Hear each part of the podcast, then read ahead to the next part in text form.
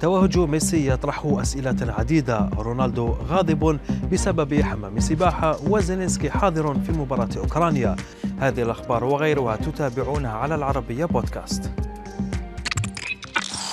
بأداء ذكر المتابعين بمستواه مع نادي برشلونة قاد ليو ميسي الأرجنتين للتفوق على المنتخب الإيطالي. فوز أثار نقاشا حادا على السوشيال ميديا حول سبب ظهور ميسي بشكل باهت مع نادي سان جيرمان مقابل ظهوره الملفت مع الأرجنتين خاصة وأن لقاء كأس الأبطال جاء بعد المقابلة الصحفية التي قام بها نجم برشلونة السابق حيث اعترف بأن انتقاله إلى الفريق الفرنسي لم يكن أمرا سهلا كما اعتبر ميسي أن الموسم المنقضي هو الأصعب له في مسيرته.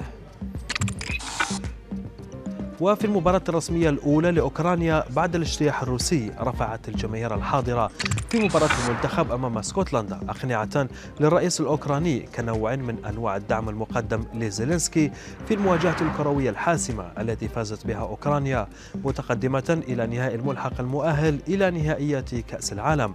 كما ظهرت أيضا زوجة زينشينكو نجم مانشستر سيتي وهي تضع على رأسها طوقا من الورود مزين بألوان علم أوكرانيا.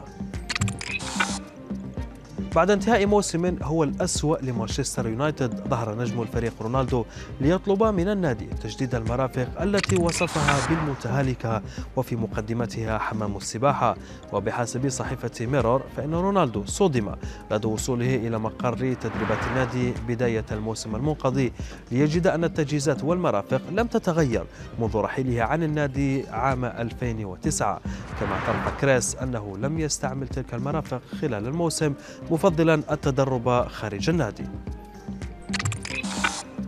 في خبر آخر يخص مانشستر يونايتد وصل بول بوجبا إلى طريق مسدود مع ناديه الذي أعلن رحيله لكن الرحيل الفرنسي لن يكون مجانيا للفريق الإنجليزي حيث سيحصل بول على مكافأة ولاء تبلغ نحو أربعة ملايين يورو نظير إكماله لعقده الذي بدأ في صيف 2016 هذه المكافأة أشعلت غضب جماهير الشياطين الحمر التي لم تشاهد أفضل أداء لبطل العالم منذ قدومه من نادي يوفنتوس الذي يبدو الأقرب لضمه في صفقة انتقال حر.